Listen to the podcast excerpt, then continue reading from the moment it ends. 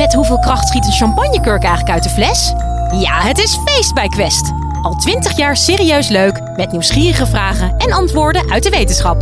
Zo maken we Nederland elke dag een stukje slimmer. Nu in de winkel en op quest.nl. Hey daar, welkom bij je favoriete podcast over wetenschap. Ik ben Sophie en fijn dat je weer luistert. Ik weet niet hoe het met jou zit, maar als ik aan Vladimir Poetin denk, denk ik nou niet meteen aan democratie. Maar toch is hij wel verkozen. Hoe is die macht in Rusland nou precies verdeeld? In deze podcast legt hoogleraar internationale politiek André Gerrits van Universiteit Leiden het uit. Live vanuit Club Air is dit de Universiteit van Nederland. Is Rusland een dictatuur? Uh, de vraag stellen is hem niet beantwoorden. Ik denk als je die vraag zo stelt, zullen de meeste mensen zeggen: ja, wat is het anders dan een dictatuur? Toch is het niet zo simpel, zou ik willen beweren. Het is geen klassieke dictatuur. Um, misschien is het goed om even terug te gaan naar uh, 21 februari uh, 2012. Vier of vijf jonge meiden springen op het altaar van de Christus Verlosserskerk in Moskou. Degene die eens in Moskou zijn geweest, wat voor, weten wat voor een draak van een kerk dat is. De Christus Verlosserskerk onder Jeltsin opgebouwd. Daarvoor was er een openluchtzwembad, veel leuker. Uh, en een van die enorm protserige gebouwen die het huidige Moskou kent. Vier, vijf meiden sprongen op het altaar en hieven daar een, um, nou, een wild punkgezang aan. Um, waarin zij kritiek uitoefende op de leiding van Poetin, maar ook op de nauwe band tussen kerk en staat in Rusland. Nou, ze zijn niet in de gelegenheid gesteld om het lied af te maken. Ze werden van het altaar gehaald, ze werden gearresteerd, opgebracht en een aantal van de meiden, waaronder een moeder van twee kinderen, als ik mij goed herinner, maar dan moet je in Rusland ook maar niet op een altaar springen, werden veroordeeld tot twee jaar strafkamp. Het bijzondere was dat in het Westen er een enorme verontwaardiging opstak. Hoe kun je dat soort jonge vrouwen, die alleen maar gebruik maakten van hun recht op vrije meningsuiting, hoe kun je die in godsnaam twee jaar opsluiten in een werkkamp? In Rusland zelf werd er heel anders over nagedacht. werd er heel anders over gedacht. Uh, over het algemeen, als we de publieke opiniepeilingen mogen vertrouwen, was het grootste deel van de Russen het wel eens met het feit dat de dames werden opgepakt en dat ze voor de rechter moesten verschijnen. Hoewel er dan weer wel natuurlijk geredeneerd werd, twee jaar werkkamp is misschien ook wel wat veel van het goede. En ze zijn ook eerder vrijgekomen. Nou, wat je hier ziet is in feite de confrontatie tussen een autoritair staatsgezag en een nog redelijk vrije samenleving. En dat is ongeveer, denk ik, hoe je Rusland politiek moet voorstellen. Het is, met een wat ingewikkelde begrip, het is een hybride systeem. Het is een hybride stelsel. Een ongemakkelijk evenwicht tussen een gesloten politiek bestel, waar een klein aantal mannen de dienst uitmaken. Vrouwen spelen geen rol in de Russische politiek. Met daarnaast, in een ongemakkelijk evenwicht, een samenleving die redelijk vrij is. Nog steeds. Zolang je je niet met politiek bemoeit, zolang je geen gekke dingen zegt over de mensen die boven je gesteld zijn, denk ik dat je een redelijk vrij leven hebt. Je kunt het land in, je kunt het land uit. Heel anders dan de oude Sovjet-Unie. Rusland is niet uniek wat dat betreft. Als je kijkt naar de politieke veranderingen die zich mondiaal hebben voltrokken na het einde van de Koude Oorlog, dus laten we zeggen vanaf het begin van de jaren 90, dan zien we drie ontwikkelingen. Aanvankelijk een snelle groei van het aantal democratieën, maar die groei die is gestaakt. Op dit moment is het niet zo dat het aantal democratieën in de wereld nog toeneemt. Het neemt eerder af dan toe. Dat is één. Twee, een zeer beperkt aantal gesloten regimes, zoals we ze tijdens de Koude Oorlog wel kenden. is er eigenlijk nog maar één, volgens mij. Daar zouden we dus eigenlijk ook zo snel mogelijk heen moeten, willen we nog een ja, inzicht krijgen in hoe de geschiedenis werkt. Althans, die geschiedenis, dat specifieke deel van de geschiedenis, het politieke totalitarisme, dat is Noord-Korea. Noord-Korea is waarschijnlijk het laatste totalitaire bolwerk dat we nog kennen. Maar een groot deel en een groeiend deel van de landen, van de regimes, dat zijn eigenlijk net als Rusland hybride regimes. Met een regering die nog steeds gekozen wordt, althans een partij die nog steeds gekozen wordt, niet helemaal democratisch, niet free and fair, maar toch, maar wel de politiek monopoliseert, de politiek voor zichzelf houdt. Dat is Rusland en Rusland is daarin niet uniek. Het is dus beide. Het is democratie en het is dictatuur. Het is een hybride regime dat over een redelijke mate van flexibiliteit beschikt. Je zou in eerste instantie denken als een gesloten politieke macht het moet uithouden met een open samenleving, dat creëert een hoop instabiliteit. Dat gebeurt ook wel eens. Dat gebeurt in Oekraïne met een oranje revolutie in 2004, 2005. Of in Georgië met een roze revolutie rond dezelfde tijd. Maar het verschaft de leiders ook een grote mate van flexibiliteit. In Rusland heeft de president in belangrijke mate de massamedia onder controle. Vooral de televisie. Gaat hij in belangrijke mate over de rechtspraak? Heeft hij in belangrijke mate de kerk aan een lijntje? Allemaal niet absoluut, met mogelijkheden om ermee te spelen en om flexibel te opereren. Maar desalniettemin, op de kepen beschouwd, is het een autoritair regime. Het heeft ook nadelen, want democratische elementen spelen toch een rol in de Russische politiek. Hoewel we geneigd zijn dat te ontkennen, maar het is toch zo. Zelfs Poetin of zijn voorganger Medvedev of dienstvoorganger Yeltsin werd door middel van verkiezingen, kwam door middel van verkiezingen aan de macht. Niet helemaal free and fair zoals gezegd, maar desalniettemin. Het regime kan het zich niet veroorloven om, laten we zeggen, openlijk ondemocratisch te zijn. Dat maakt dat hybride karakter van zo'n politieke orde uit. Maar de oppositie kan die verkiezingen natuurlijk ook gebruiken om mensen te mobiliseren, om uh, aandacht te vestigen op het niet-democratische karakter van het politieke bestellen van de machthebbers. Het is gevaarlijk om dat te doen in Rusland. Niet heel lang geleden werd een van de voormannen van de Russische oppositie vier keer in zijn rug geschoten en overleed, Boris Nemtsov. En hij is niet de enige tegenstander van de huidige machthebbers die zijn oppositionele activiteiten of haar oppositionele activiteiten met de dood heeft moeten bekopen. Wil niet zeggen dat die mensen per se door het Kremlin zijn vermoord, maar het Kremlin heeft wel een situatie gecreëerd, een sfeer waarin die politieke moorden mogelijk waren. Hoe ziet dat politieke bestel eruit? Hoe ziet dat gesloten politieke systeem eruit? Nou, niemand weet het precies. Dat is gesloten. Politiek in Rusland voltrekt zich achter de gesloten deuren van het Kremlin.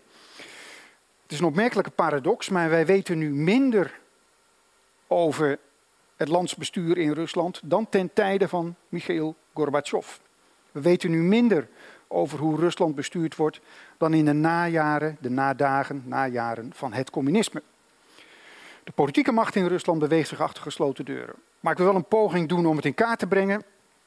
Het zit waarschijnlijk ongeveer zo. In Rusland is een superelite die de macht heeft. 15, ten hoogste 20 man. Die mannen hebben een aantal zaken gemeen. Eén, ze bewegen zich allemaal op het snijvlak van politieke macht, bestuurlijke macht zou je kunnen zeggen, en economische macht. Dus wie behoort er onder andere tot de politieke top van Rusland? Dat is de baas van Gazprom, het staatsgasbedrijf. Dat is de baas van Rosneft, het staatsoliebedrijf. Maar het is ook de chef van de staatsveiligheidsdienst. En het is ook de minister van Defensie. Het zijn allemaal mannen, 10, 15 mannen, op het snijvlak van politieke macht en economische macht. Tussen die mannen bestaat competitie, politieke strijd. Ze zijn lang niet in alle opzichten eensgezind. Rusland is vier jaar lang bestuurd geweest door Medvedev. Dat werd toegelaten door Poetin. Dat hebben ze later ook gewoon toegegeven. Dit was een toneelstukje, neemt u ons niet kwalijk. Medvedev, daarvan weten wij, of wij moeten ons ernstig vergissen, we moeten enorm voor de gek zijn gehouden. Medvedev was een wat liberaler leider dan veel van de andere uh, mannen in de elite van de Russische federatie. Dus er zijn verschillen tussen die mannen. Politieke verschillen, persoonlijke verschillen. Maar ze hebben wel één enorm belangrijk, één enorme belangrijke zaak gemeen. Ze hebben belang bij het instand houden van het systeem zoals het nu functioneert. En daar speelt een hele belangrijke rol in dat instand houden van het systeem. Wordt een hele belangrijke rol gespeeld door de supreme leider. De man die boven de elite staat, de primus inter pares van het Russisch politiek bestel. Eerst Yeltsin, later in nog veel sterkere mate Poetin. De rol van die leider is tweeërlei. Eén, hij moet het evenwicht tussen die elkaar bestrijdende elite handhaven. Hij moet zorgen dat de liberale, het liberale deel van die elite niet te sterk wordt ten opzichte van het meer conservatieve deel. Dat het conservatieve deel van die elite elkaar niet in de haren vliegt. Een soort evenwicht bewaren. Het is dus ook in het belang van die elite zelf dat er een mannetje boven hun staat. Hij heeft nog een hele belangrijke functie. Hij moet het, het beeld uitstralen van eensgezindheid. Niets is zo gevaarlijk, zou ik willen beweren, voor een regime als dat in Rusland.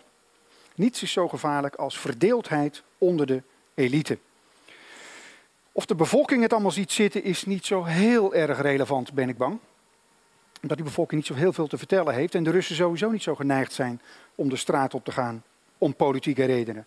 Veel belangrijker dan of de bevolking het ziet zitten, het nog ziet zitten met de leider, is of de elite het nog ziet zitten met die persoon die boven ze gesteld is.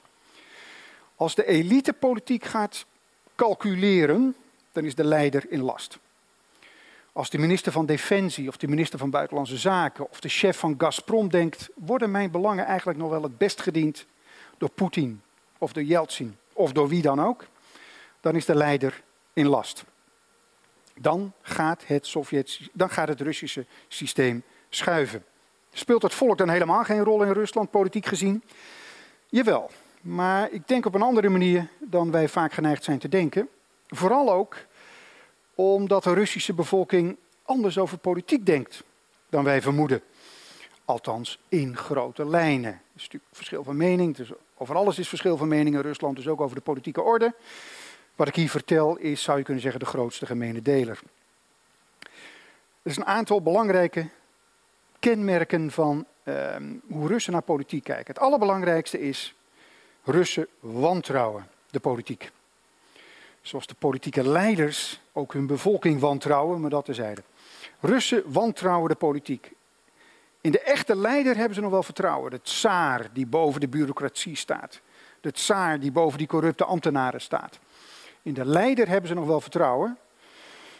Maar niet in het systeem als zodanig. En zeker niet in die massieve bureaucratie die over de Russen regeert. Dat is één. Twee, zoals gezegd, een belangrijk aspect daarvan.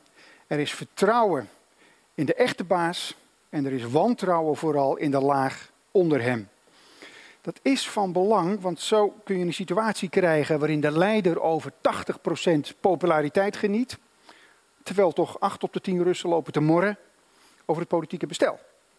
Ze maken onderscheid tussen de leider en het regime waarover hij regeert. Een ander belangrijk aspect van, het, van de manier waarop de Russen kijken naar politiek is hoe ontevreden ze ook zouden kunnen zijn over de orde in hun eigen land, over de politieke orde in hun eigen land. Die merkwaardige combinatie van autoritair bestuur en maatschappelijke vrijheid. Alle alternatieven zijn minder populair. Alle publieke opiniepeilingen wijzen daarop. Er is maar een kleine minderheid van de Russen die voor herstel van de oude Sovjetstaat is. Of voor een militaire dictatuur. Maar er is ook maar een klein deel van de Russen die voor liberale democratie is. Alle peilingen wijzen op hetzelfde. Er is een minderheid van ongeveer 10 tot 15 procent van de Russen die het wel eens zou willen proberen met liberale democratie. Het overgrote deel van de Russen zegt: geef mijn portie maar een fikkie, daar beginnen we niet aan. Dat hebben we gezien onder Yeltsin. De chaos was compleet. Geef mij maar een krachtige, sterke leider. Iemand als Poetin, desnoods. Dus de politieke onvrede van de Russen richt zich niet tegen een gebrek aan democratie. Wij zijn vaak geneigd dat te denken. De onvrede van de Russen, voor zover die er is, die richt zich vooral tegen hun gebrek aan rechten. Je zou het anders kunnen formuleren, richt zich vooral tegen het ontbreken van de rechtsstaat in Rusland. Tegen die enorme corruptie. Tegen die willekeur. Tegen die ambtenaren die maar doen waar ze zin in hebben. Daarover zijn heel veel Russen gefrustreerd. Maar dat vertalen ze niet in een zin in politieke democratie of ingrijpende politieke veranderingen. Rusland is misschien wel het voorbeeld van een hybride politieke regime. En binnen dat hybride politieke regime zijn er maar heel weinig mannen die er werkelijk toe doen.